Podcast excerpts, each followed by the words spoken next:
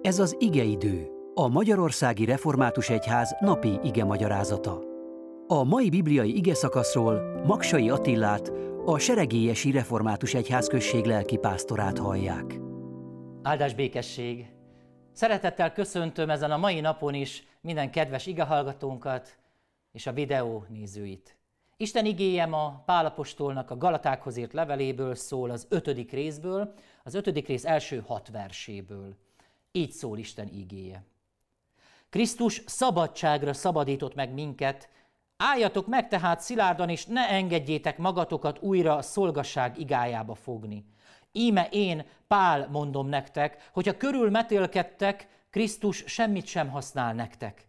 De ismét bizonyságot teszek minden embernek, hogy aki körülmetélkedik, köteles az egész törvényt megtartani. Ha a törvény által akartok megigazulni, elszakadtatok Krisztustól, a kegyelemből pedig kiestetek. Mi ugyanis a lélek által hitből várjuk az igazság reménységét. Mert Krisztus Jézusban nem számít sem a körülmetélkedés, sem a körülmetéletlenség, csak a szeretet által munkálkodó hit. Szabad-e ülve maradni a mi atyánk mondása közben a templomban? Szabad-e rockzenét hallgatni vagy játszani egy kereszténynek? Szabad-e véres hurkát ennie egy kereszténynek? Szabad-e szabadidőruhában Isten tiszteletre menni? Szabad-e latin táncot táncolnia egy kereszténynek? Azt hiszem, körülbelül a végtelenségig sorolhatnánk az ilyen és hasonló kérdéseket, és bizonyal, ha hívő vagy, ha hitetlen, már a te fejedben is megfordult egy-kettő hasonló kérdésekből. És azt is hiszem, ha bármelyikre, akár igennel, akár nemmel felelnék most, valamelyik oldalról bizony a nagy népharag zúdulna rám. Ahogy Pálra is, amikor felmerült, szabad-e körülmetélkedni egy kereszténynek. Mármint ott és akkor, 2000 éve, az elsők, az első gyülekezetek idején, akár a galáciabeli közösségek idején. Figyeld meg valahogy egész életrendszerünk úgy épül fel, hogy mindent a szabad, nem szabad koordináta rendszerében helyezünk el, vagy halmazaiban. Néha nagyon ritkán a két halmaz metszi egymást, és olyankor ilyesmiket mondunk, szabad, de csak ha, vagy nem szabad, kivéve ha. Ráadásul ezekben a dolgokban mindannyian a magunk neveltetése, szokásai és tapasztalatai útján annyira meg vagyunk győződve, hogy véresen komoly, már-már halálos összecsapásokat folytatunk, hogy mit szabad és mit nem szerintünk. És csak merje valaki máshogy gondolni.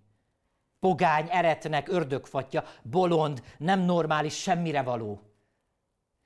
Persze nincs azzal baj, sőt valamilyen formában kell is, hogy legyen ilyen megkülönböztetésünk, egy rendszerünk, ami irányt szab és kordában is tart. A baj leginkább az alapokkal van.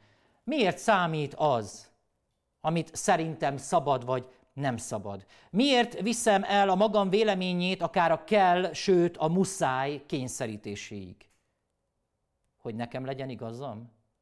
Hogy az én meggyőződésem győzzön, hogy magasabbra pozícionálhassam magam a másikhoz képest. Mi áll az egész mögött?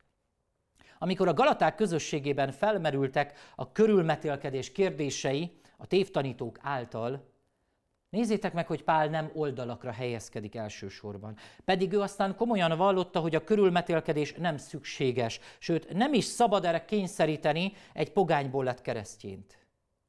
De tudjuk, hogy ide vagy oda állással csak mélyítenénk a lövészárkot, és ezt Pál is tudja. Ezért nézzétek, mit mond, mi számít.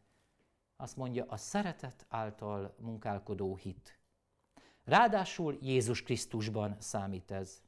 Hagyd meg hát a harcokat azoknak, akik a maguk népszerűségét kívánják növelni, akik önigasságuk hamis fényében szeretnek tündökölni, hogy szerintük mit szabad vagy mit nem szabad. Te pedig Jézus Krisztusba vetett hited alapján munkálkodj szeretettel. Még a felé is, aki teljesen más véleményen van? Főleg ő feléje. Aki Krisztusban van, az arra is szabad, hogy még ellenségét is szeretni tudja. Amen.